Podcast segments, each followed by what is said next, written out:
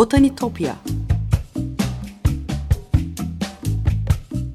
Sesli Doğa Tarihi Müzesi Bitkiler aleminin tuhaf ve muhteşem dünyasını belgeleyen botanik sanatına dair her şey. Hazırlayan ve sunan Benan Kapucu.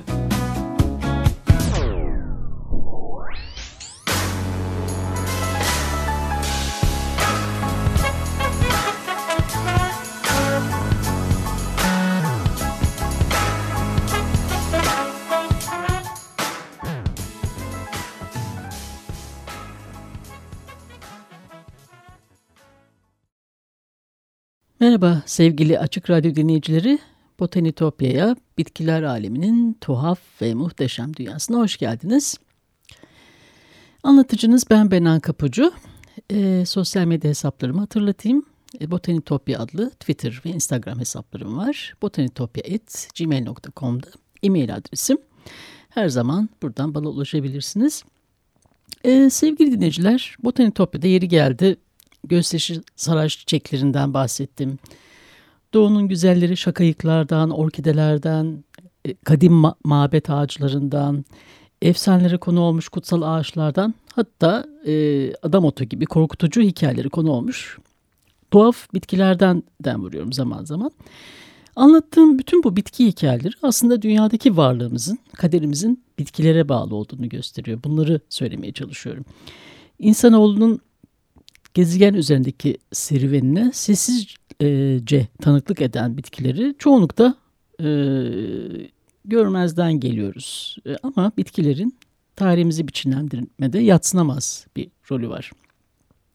Yani bitkilerin dünya üzerinden aniden yok olduğunu düşünelim. Bizim bir geleceğimiz olabilir mi? E, gıdayı, barınmayı bir tarafa bırakalım. En basitinden karbondioksiti alıp oksijen veren ve dünyayı yaşanır bir ortama dönüştüren bitkilere e, ihtiyacımız var. Onlar olmasa nefes alamayız. Ve onlarla ilgili bilmediğimiz daha ne çok şey var. Kutup buzullarında donmuş polenler dünyamızın sahip olduğu geçmişe dair birçok sırrı barındırıyor hala.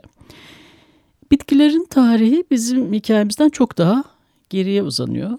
Binlerce yıldır onlardan yararlanıyoruz. Yani yiyecek arayan diğer hayvanlar gibi göçmen atalarımız da yabani doğanın sunduğu nimetlerden yararlanıyordu. Ee, bundan yaklaşık 12 bin yıl önce son buzul çağının bitiminde miras aldığımız dünyada avcı toplayıcılıktan tarım toplumuna e, ulaşan süreçte bize hep eşlik eden bitkiler tarihimizde biçimlendirdi.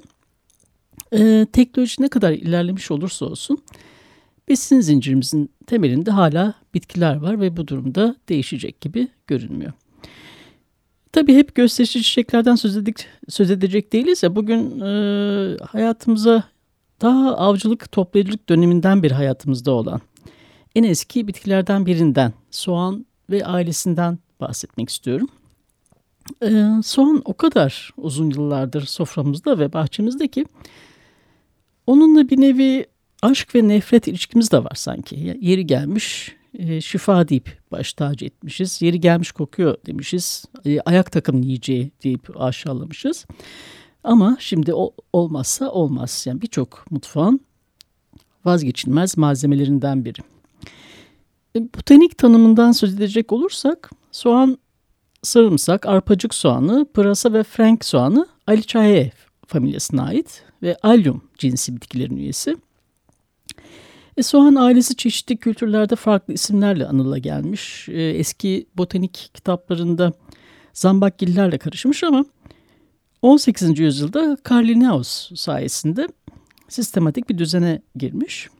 E, soğana Latince ismini veren Linnaeus bugün halen kullandığımız binominal adlandırma sisteminin kurucusu. E, İsveç kökenli bir botanikçi. Ünlü Species Plantarum kitabının da yazarı. E, sınıflandırmasını e, 18. 18. yüzyılda e, bitkinin üreme organlarını temel alarak e, sayıya, uzunluğa hatta e, polen yapma özelliklerini gö e, göre oluşturmuş. O yüzden bazı muhalifleri tarafından eleştirilmiş hatta e, botanikçi Johann Seegesbeck bunu tiksindirici bulduğunu söylemiş. O da intikamını bir bitkinin adını Sieges Beckia orientalis e, koyarak almış. E, Linnaeus allium cinsini e, yani pırasayı allium porrum, e, frank soğanı allium schoenprazum, sarımsağı allium sativum, yeşil soğan da allium fistulosum gibi e, isimlerle adlandırmış. 800'den fazla türü var allium ailesinin ve, ve bizim çok iyi bildiğimiz, yakından bildiğimiz bir özelliği var. Bu ailenin tüm üyeleri kesildiğinde özellikle soğan e, gözleri yaşartabiliyor. E, solukta, terde ve idrarda uzun süre kalıcı kokular bırakabiliyor. E, William Shakespeare'in de Bir Yaz Gecesi Rüyası'nın dördüncü perdesinde söylediği gibi Sevgili aktörler ne soğan yiyelim ne sarımsak zira tatlı olmalı nefesimiz diyor. E, bu albümler arasında bizi en çok ağlatan soğanın etkisi içerdiği yüksek yoğunlukta sülfür bileşiklerinden kaynaklanıyormuş.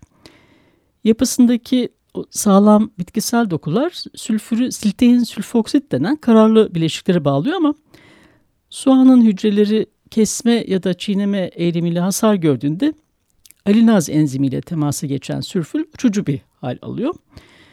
Bu arada tabii soğan oldukça büyük hücrelere sahip. Basit bir mikroskopla bile kolayca gözlemlenebiliyor. E, soğan içeriğinde olan ve uçucu hale gelmiş olan o sülfür e, propantiyal S oksite dönüşüyor ve gözümüzün zarındaki sinir uçlarını tetikleyerek gözyaşı sinyali göndermesi neden oluyor.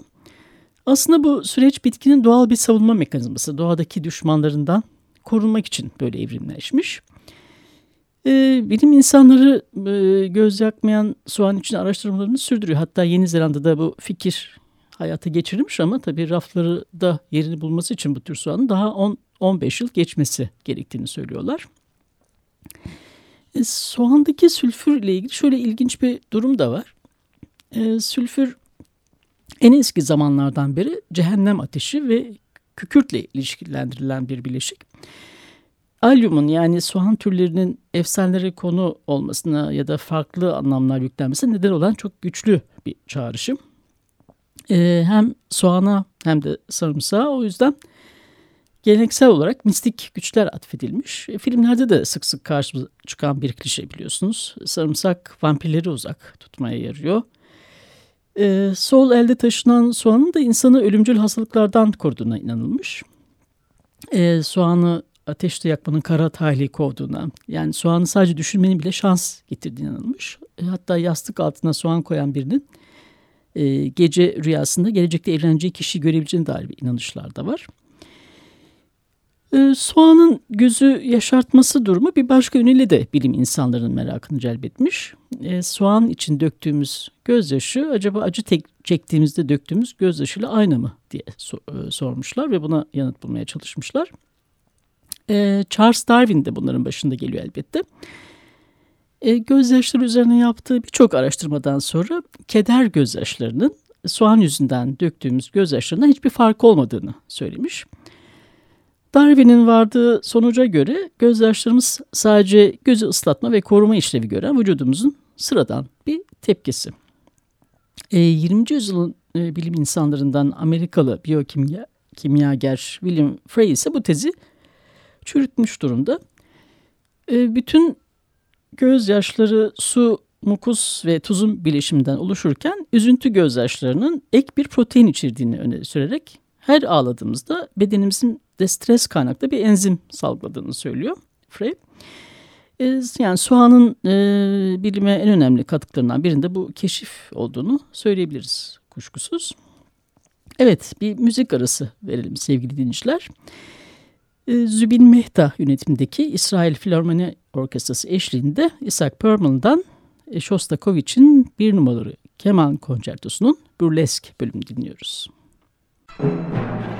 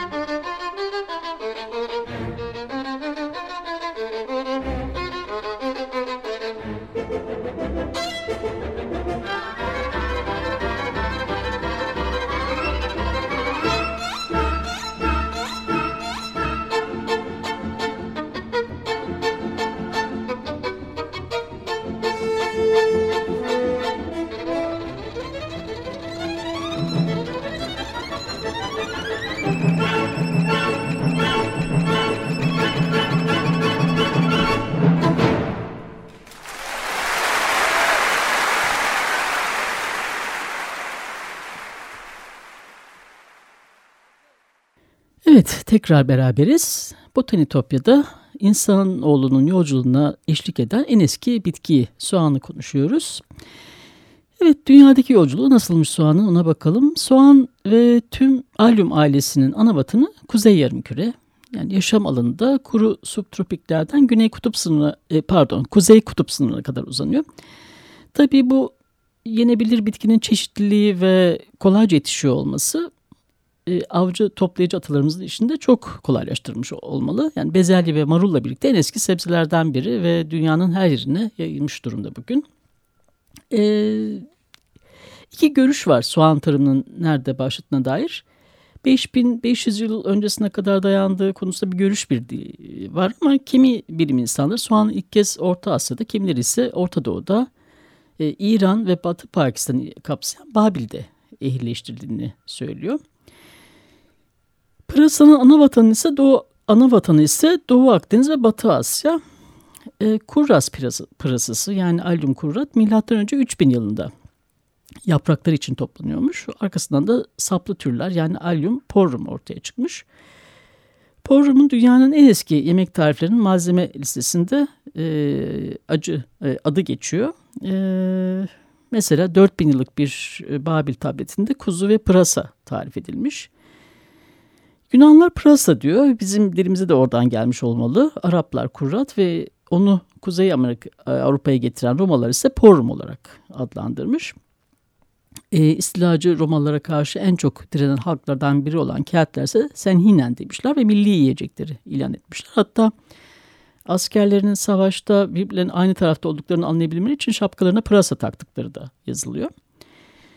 Sarımsağın yani Allium sativum'un da Orta Asya'daki milattan önce 3000'li yıllara dek uzanıyor. Ee, göçmen kabilelerin sarımsağı buradan Mezopotamya ve Hindistan'a taşımış olduğu tahmin ediliyor. Yani soğan gibi e, kuru sarımsağı da taşınması kolay ve ekilmesi de son derece basit. Soğan eski Mısırlar içinde çok değerli bir bitki. Hem hem besinsel hem tinsel değeri açısından e, ee, 3500 yıl önce Mısır'a girdiğinde bir besin kaynağı olmasından daha yüce bir anlamı vardır soğanın. E, eski Mısırlılar soğanı kutsal kabul eder. E, küresel şekli ve içe sarılı e, dairesel katmanları nedeniyle soğanın evreni ve sonsuz yaşamı simgelediğine inanırlarmış. E, Mısırlı sanatçıların da değerli metallerden yaptığı kimi bitkisel e, betimlemelerden sadece soğan altına yapılırmış. E, piramitlerin duvarlarında ve mezar odalarında da soğan resimleri var. Milattan önce 1160 e, yılında ölen 4. Ramses'in mumyasının göz boşluklarında soğanlar bulunmuş. E, yani mumyalara o zaman işte onların yanına ve sunakları da soğan yerleştirilirmiş ve soğan üzerine yemin ederlermiş. E, Keops piramitini inşa et, e, eden eski Mısırlı e, köleler de soğan, sarımsak ve pırasa ile bir besinirlermiş. Hatta ödemeleri de aynen soğan, sarımsak ve pırasayla e, yapılırmış. E, kutsal kitapta e, Mısır'da kölelikten kurtarılan Yahudilerin Musa'nın önderliğinde çölden geçerken esaret döneminde yedikleri soğanları da e, andığı yazıyor. Yani soğan ve türevlerin alyum bitkilerini Mısır'da yalnızca alt sınıfların tüketmediğini ve e, nefessiz sarımsak kokanlar e, rahiplerin tapınaktan kovduğuna dair bilgiler de var. E, 4. yılda, yıl, yüzyılda Büyük İskender soğanı Mısır'dan Yunanistan'a taşımış ve buradan da fethetti diğer ülkelere. Antik Yunan ve Roma'da temel besin maddelerinden biri soğan. E, Romalılarda soğanın şeffaf yapısına da referanslı e, unio diye adlandırılmış ve hani biricikliği ve bir inci kadar değerli olduğu da ifade edilmiş. İngilizcesinde de benzer bir durum var. Yani onion olan soğanın kökeni e, birlik anlamına gelen union sözcüğünden türemiş. E, soğan e, kuvvet verdiğine inanıldığı için hep el üstünde tutulmuş e, enerji ve dayanıklılık kazandırdığını düşündükleri için iş, işçiler, atletler, denizciler ve askerler her gün soğan tüketirmiş. E, aynı nedenle horoz dövüşlerinden önce horozlara da e, yedirilirmiş. E, şifalı kabul edilen sarımsak da bir dizi hastalık için dahili ya da harici ilaç olarak kullanılmış. Sarımsağın mikrop kırıcı etkisi bilimsel olarak e, kanıtlanmış ama o dönemde bu değerlendirme yapmak pek mümkün değildir. E, 129-210 yılları arasında yaşayan e, Bergamalı e, antik Yunan'ın en önemli hekimlerinden olan e, Galenos. Bu kolay yetişen, ucuz ve yaygın olarak tüketilen bitki Teriaka rusticorum yani yoksulların şifası diye adlandırır. Sarımsağın her derde deva olduğu Galenosçu humoral tıp geleneği kadar eski bir inanış bu. E, evet Twitter'dan özetleri sizlerle paylaşırken eski botanik kitaplarından bazı soğan çizimlerini de e, paylaşacağım. Bunlardan biri de e, Avusturyalı hekim ve dermatolog Joseph Plank'in Iconus Plantorum Medicinalum kitabından, Medicinalum kitabından pırasa ve sarımsak çizimleri. E, 1788-1792 yılları arasında yaşamış Planck ve tıbbi bitkiler üzerine 7 ciltlik müthiş bir çalışma hazırlamış.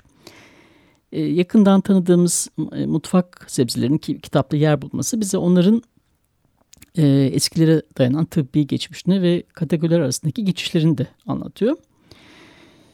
E, sarımsaktan bahsediyorduk. Sarımsağın e, nefeste bıraktığı koku Mısırlar gibi Yunanlar ve Romalıları da e, kaygılandırmış. E, kadim tanrıça Kibele de e, nefesi sarımsak kokanların tapınağa girmesine izin vermiyor onların yanışına göre.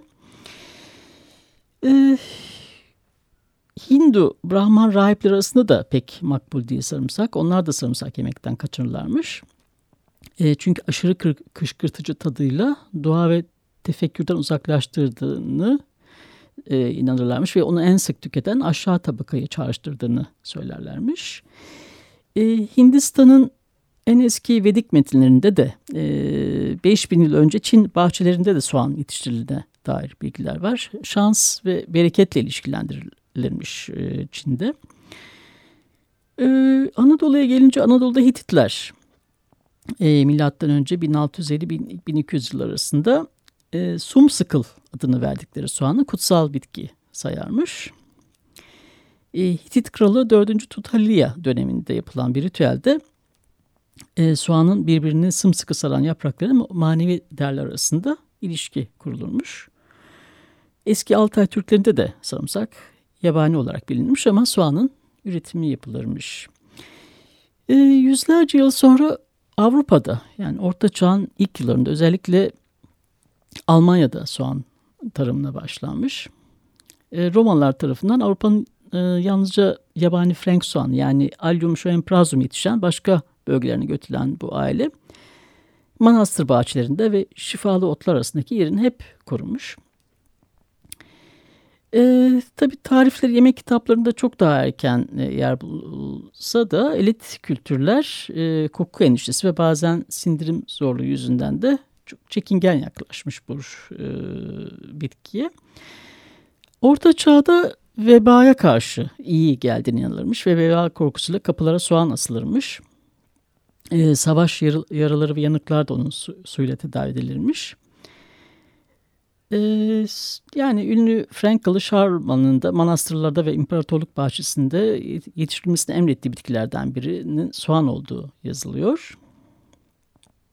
Sarımsak da her zaman gibi başlıca suçludur.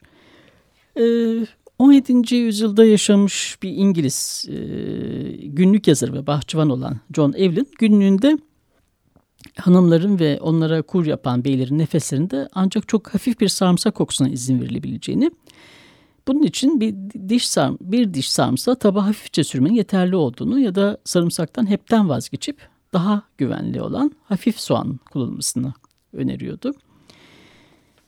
Ee, Osmanlı adetlerine gelince onlarda da Osmanlı'da da soğanın yeri var. Ee, Osmanlı'da e, yeni doğum yapan kadınlar yıkanır, ortadan ikiye kesilmiş soğanla ovulurmuş. Daha sonra bu soğan mavi boncuk ve sarımsak ile beraber şişeye geçirilerek tülbentle bağlanır ve loğusanın ayak kısmındaki duvara asılırmış. Ee, 40 gün sonra bebeğin kırkını çıkarmak için herkes en güzel giysilerini giyinir ve bebek de güzel bir şalla kundaklanırmış. Ee, evden çıkmadan önce loğusanın ayak ucunda asılı olan şişe geçirilmiş soğan kapının eşine konur. Sırayla anne, büyükler ve en son kucağında bebekle ebe bu soğan üzerinden atlayarak dışarı çıkarlarmış. Evet yani sevgili dinciler soğanınla ilgili bu hikayelerden öte sağlık açısından da çok faydaları var. Ee, bu aslında bu soğanın faydasının temelinde de temel nedeni de şu. Ee, soğan, sarımsak, arpacık soğan ve pırasa basit şekerlerin yanında çok miktarda daha karmaşık karbon, karbonhidrat e, olan bir e, yani frukto e, oligosakkarit içeriyor. E, bu karbonhidrat ince bağırsakta sindirilemeyen çünkü bu enzimler insanlarda yok. E, sindirilemediği için e, doğrudan koluna geçiyor. Ve sağlıklı bakteriler tarafından ferment edilirken zararlı bakterileri hasar uğratarak probiyotik besin işlevi görüyor. O yüzden e, kan pıhtılarına karşı savunma sağlayan, e, diyabeti yönetmeye yardımcı olan büyük olasılıkla kanserden koruyan e, bu e, yararlı bitkinin e, insanlara sunacak gerçekten çok şey var. Evet sevgili dinleyiciler bugün soğandan, onun dünya üzerindeki yolculuğundan, e, efsaneleri nasıl biçimlendirdiğinden ve hayatınızdaki yerinden konuştuk. E, Botanitopya'daki keşif yolculuğumuz bu hafta buraya kadar. botanitopya.gmail.com adresinden aynı adı Twitter ve Instagram hesaplarından bana ulaşabilirsiniz. Gelecek hafta görüşünceye dek sevgiyle ve doğayla kalın.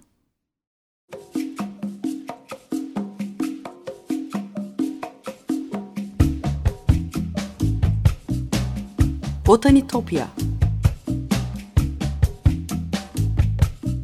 Sesli Doğa Tarihi Müzesi. Bitkiler aleminin tuhaf ve muhteşem dünyasını belgeleyen botanik sanatına dair her şey.